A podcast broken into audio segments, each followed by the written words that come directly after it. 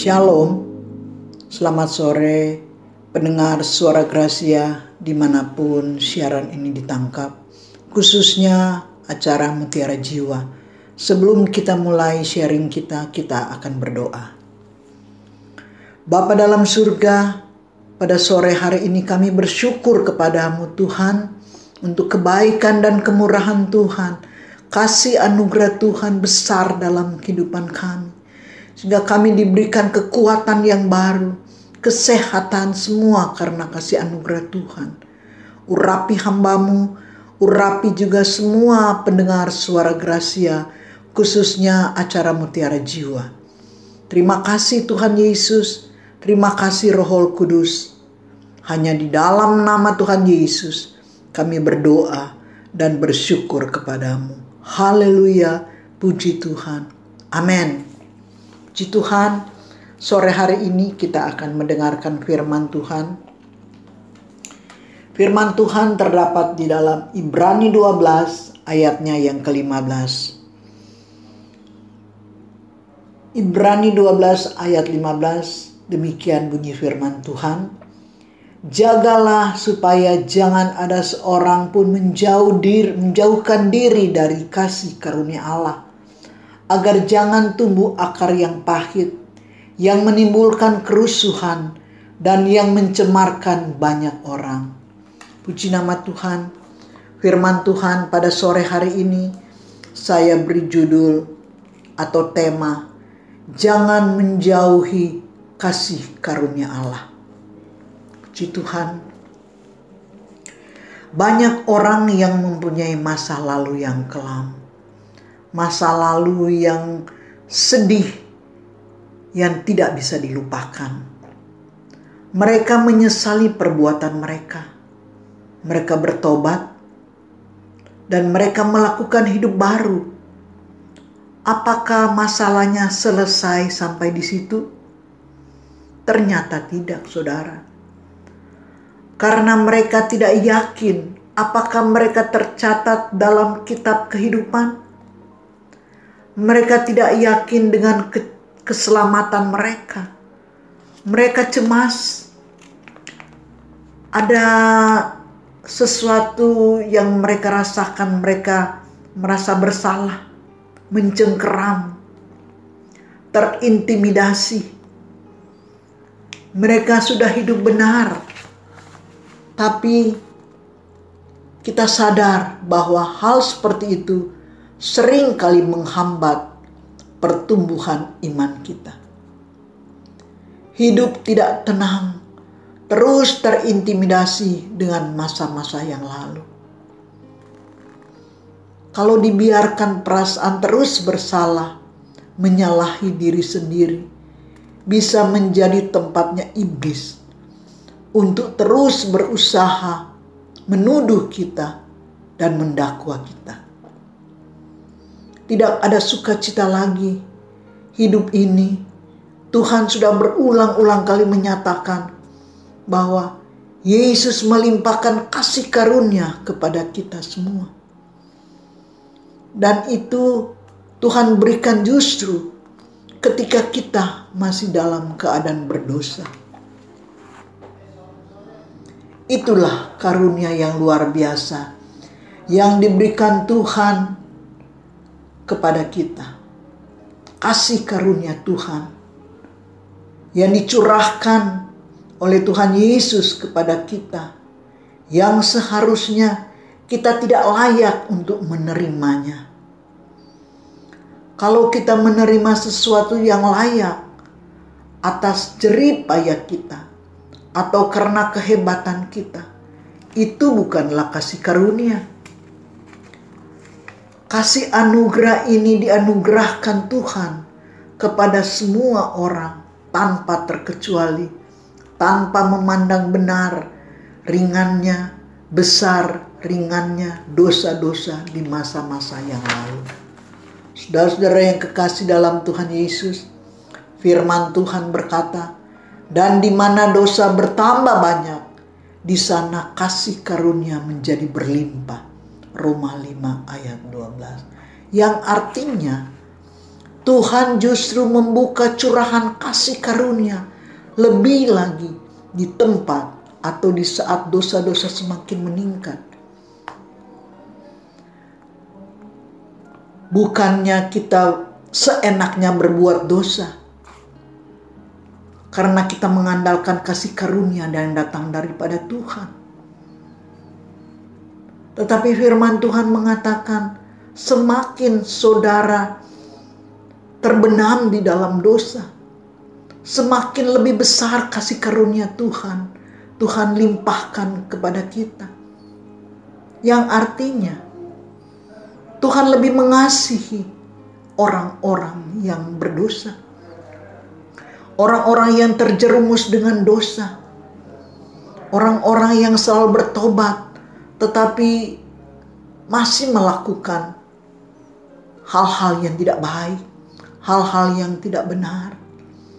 Firman Tuhan mengatakan, "Di mana ada dosa bertambah banyak, di sana kasih karunia menjadi berlimpah." Bukannya kita terbenam dalam dosa, karena kita diberikan kasih karunia, bukan itu saudara. Kasih karunia harus kita perjuangkan, harus kita usahakan, supaya dosa-dosa yang saat ini ada di dalam kehidupan kita semakin hari semakin terkikis oleh karena kasih karunia Tuhan. Tuhan justru membuka curahan kasih karunia lebih dan lebih lagi di mana di saat-saat dosa semakin meningkat. Tuhan masih memberikan kesempatan kepada kita untuk tidak berbuat dan tidak berbuat dosa lagi. Banyak orang berbuat dosa, jatuh dan jatuh di dosa lagi. Karena orang-orang Kristen banyak yang mengandalkan kasih karunia. Karena saya sudah diselamatkan karena kasih karunia Tuhan jadi seenaknya berbuat dosa. Bukan itu maksudnya saudara. Tuhan begitu mengasihi kita supaya kita sadar. Supaya kita meninggalkan dosa-dosa yang saat ini saudara lakukan. Tuhan ingin supaya kita terus mengandalkan kasih karunia Tuhan yang begitu besar pengorbanan Tuhan Yesus yang begitu besar di kayu salib. Oleh karena itu saudara, kasih karunia yang Tuhan berikan buat kita. Kita harus perjuangkan. Kita harus usahakan. Supaya terus dan menerus kasih karunia itu menjadi bagian daripada kita. Begitu besarnya Tuhan mengasihi kita sehingga dia melimpahkan kasih karunia itu. Mengapa Tuhan melakukan itu? Supaya sama seperti dosa berkuasa dalam alam maut. Demikian kasih karunia akan berkuasa oleh kebenaran untuk hidup yang kekal oleh Yesus Kristus Tuhan kita. Begitu besar kasih karunia Tuhan kepada kita di dalam ayatnya 21 supaya se sama seperti dosa berkuasa dalam alam maut tetapi demikian kasih karunia yang Tuhan berikan akan berkuasa oleh kebenaran untuk hidup yang kekal oleh Yesus Kristus Tuhan kita. Jadi saudara, Tuhan mau memberikan kepada kita kasih karunia yang begitu besar walaupun dosa kita dikatakan berkuasa dalam alam maut. Tetapi kasih karunia yang Allah berikan kepada kita itu berkuasa oleh karena kebenaran untuk hidup yang kekal oleh Yesus Kristus Tuhan kita. Itulah bentuk kepedulian, kepedulian kasih kepada manusia Tuhan tidak menginginkan satupun di antara kita untuk binasa. Lewat Yesus Kristus anaknya yang tunggal. Tuhan menganugerahkan keselamatan kepada kita hanya sekali untuk selama-lamanya. Ingat saudara, Tuhan tidak menginginkan satupun di antara kita yang binasa. Lewat Yesus Kristus anaknya yang tunggal. Tuhan menganugerahkan keselamatan kepada kita sekali untuk selama-lamanya. Jadi ingat, sekali Tuhan berkorban untuk selama-lamanya. Kalau kita terus merasa tidak layak atau tidak pantas menerima keselamatan, sadarilah bahwa sebenarnya itu sama artinya kita menolak kasih karunia yang Tuhan berikan. Ibrani 4 ayat 16. Sebab itu marilah kita dengan penuh keberanian menghampiri tahta kasih karunia supaya kita menerima rahmat dan menemukan kasih karunia untuk mendapat pertolongan kita pada waktunya. Luar biasa. Tuhan kita Tuhan yang maha pengasih. Tuhan yang sudah menyediakan kasih karunia itu kepada kita. Jadi saudara, kalau kita jauh daripada kasih anugerah, kasih karunia Tuhan, kita rugi saudara. Bahkan dikatakan kita hidup oleh karena kasih anugerah Tuhan. Jangan sampai kita menjauh dari kasih karunia yang Tuhan berikan buat kita. Kita melihat beda upah dan kasih karunia di dalam Roma 11 ayat 6. Tetapi jika hal itu terjadi karena kasih karunia, maka bukan lagi karena perbuatan. Sebab jika tidak demikian, maka kasih karunia itu bukan lagi kasih karunia. Bukan main senangnya teman saya yang belum lama mulai bekerja di sebuah perusahaan. Ia baru saja menerima bonus karena pekerjaannya dinilai sangat baik oleh pimpinannya. Namun, bonus itu artinya ia mendapat tambahan lebih dari sekedar sekedar gaji. Gaji dapat ditambahkan bonus. Ada banyak perusahaan yang menerapkan sistem ini untuk memacu pegawainya agar bekerja lebih giat dan menghasilkan sesuatu yang lebih dari standar, baik gaji atau bonus akan diperoleh sesuai dengan hasil kerja keras kita tentunya. Kita lihat contoh.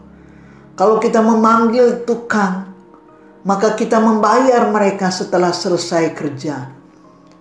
Ada yang memberikan tip karena mereka melayani dengan baik. Ketika kita merasa berhutang budi pada seseorang pun dan memberi hadiah itu adalah sebuah imbalan jasa yang timbul dari rasa berhutang budi. Imbalan diberikan sebagai ganti tenaga, jadi upah, gaji, bonus, imbalan, balas jasa, tip, dan lain-lain. Semua itu merupakan hal yang kita peroleh sebagai hasil kerja kita bekerja. Kita menerima, kita bekerja dengan baik, kita dapat lebih ketika kita melakukan pekerjaan dan menerima upah. Itu merupakan hak kita peroleh berdasarkan kerja keras kita. Kasih karunia bukanlah sebuah tiket keselamatan yang bisa dibeli, tapi murni merupakan hadiah dari Allah yang begitu mengasihi kita. Efesus 2 ayat 8 dan 9. Sebab kasih karunia kamu diselamatkan oleh iman. Itu bukan hasil usahamu, tetapi pemberian Allah. Itu bukan hasil pekerjaanmu. Jangan ada orang yang memegahkan diri karena kasih karunia yang Tuhan anugerahkan kepada kita hanya melalui Tuhan Yesus Kristus. Roma 3 ayat 24 mengatakan, dan oleh kasih karunia telah dibenarkan dengan cuma-cuma karena penebusan dalam Kristus Yesus.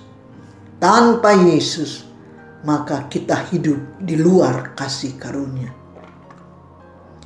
Di dalam Galatia 5 ayat 4 katakan, kamu lepas dari Kristus jikalau kamu mengharapkan kebenaran oleh hukum Taurat, kamu hidup di luar kasih karunia. Saudara-saudara yang kekasih di dalam Tuhan Yesus Kristus. Jadi, kasih karunia itu hasil cuma-cuma dari Tuhan yang dianugerahkan kepada kita lewat Tuhan Yesus. Dan luar biasanya, Tuhan menyatakan bahwa di mana dosa dan pelanggaran bertambah banyak, di situlah kasih karunia Tuhan menjadi berlimpah-limpah. Roma 5 ayat 20. Jadi kalau kita bisa melihat bagaimana dosa yang saudara lakukan dikatakan merah seperti kain kernisi. Di saat kita mau datang kepada Tuhan, minta ampun, minta belas kasihan Tuhan. Dikatakan Tuhan akan menyucikan semuanya. Tuhan akan membersihkan itu putih seperti salju. Di sini dikatakan bahwa di mana dosa dan pelanggaran bertambah banyak, di situlah kasih karunia Tuhan menjadi berlimpah-limpah. Karena kasihnya kepada umat manusia, dia tidak menginginkan umat manusia itu binasa. Tetapi Tuhan memberikan kasih karunia bagi orang-orang yang percaya. Bagi orang-orang yang mau diselamatkan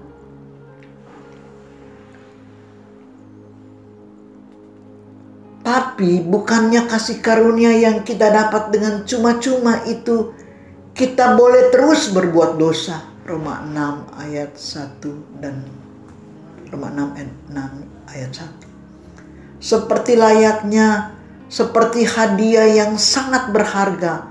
Tentu kita sangat menghargai hadiah itu.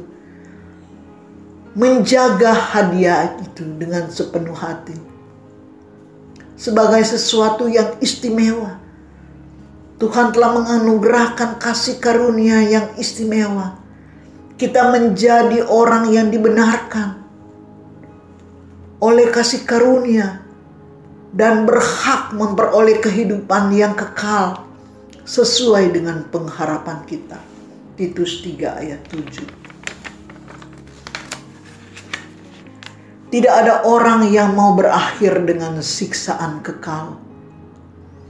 Dan jalan untuk selamat sudah dihadiahkan buat dihadiahkan Tuhan secara cuma-cuma dalam Kristus. Ketika kita menolak tawaran kasih karunia Tuhan, itu sama artinya dengan kita memilih untuk binasa selama-lamanya. Bahkan keselamatan sebagai sebuah anugerah.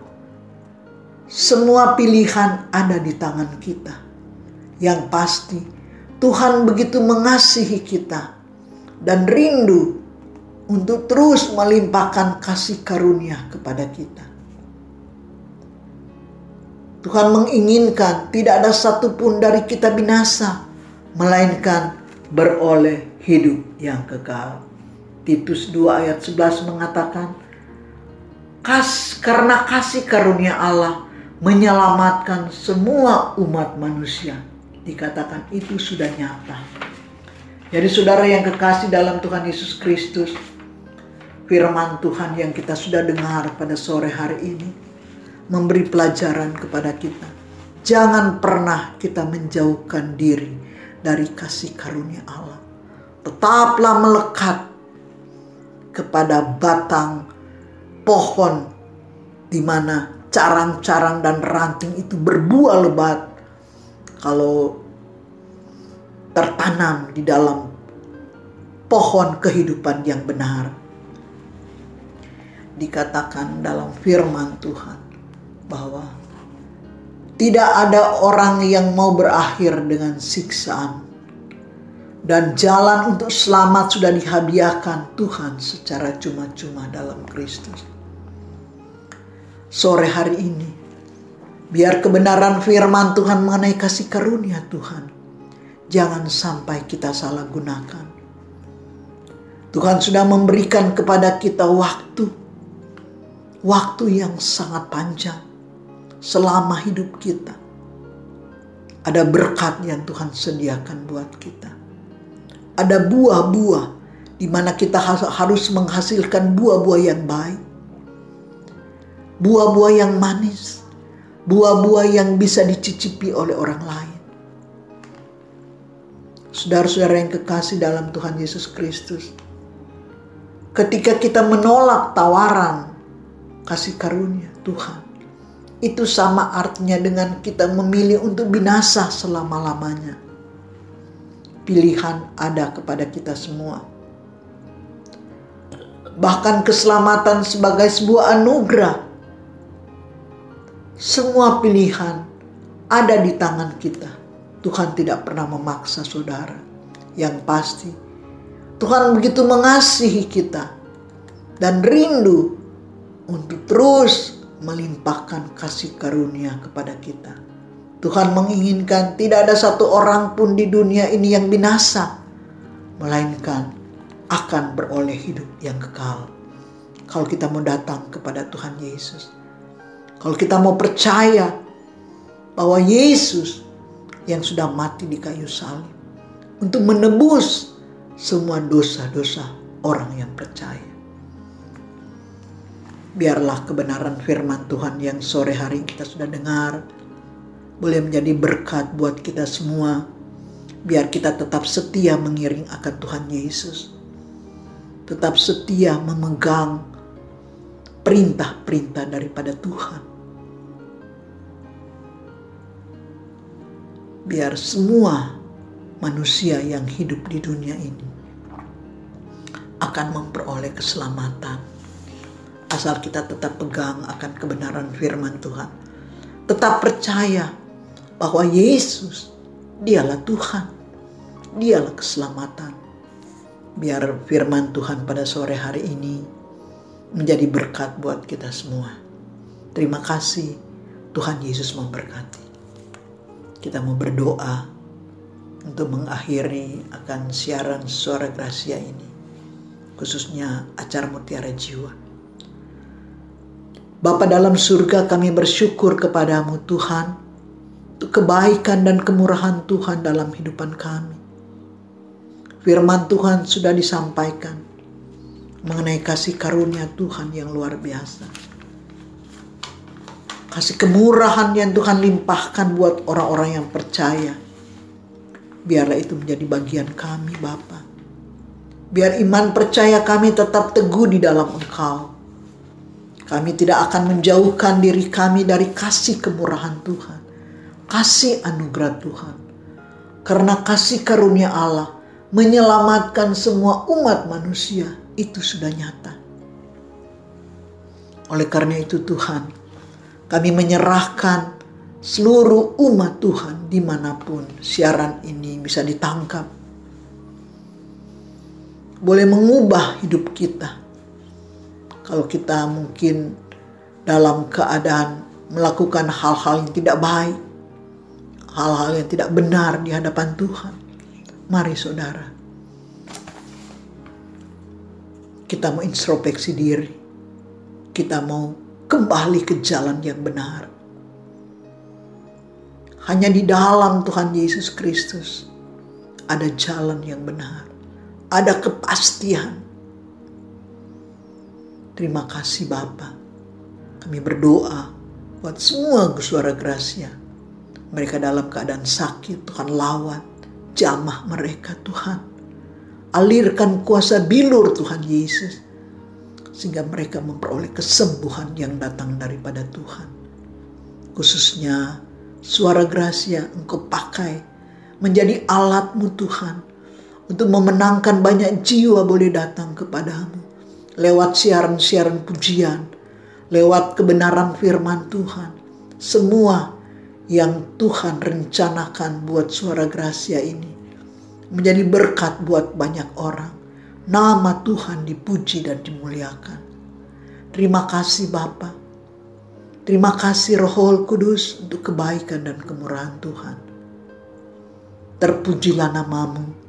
Hanya di dalam nama Tuhan Yesus Kristus, Tuhan dan Juru Selamat kami yang hidup. Kami sudah berdoa dan bersyukur kepadamu. Haleluya, puji Tuhan. Amin.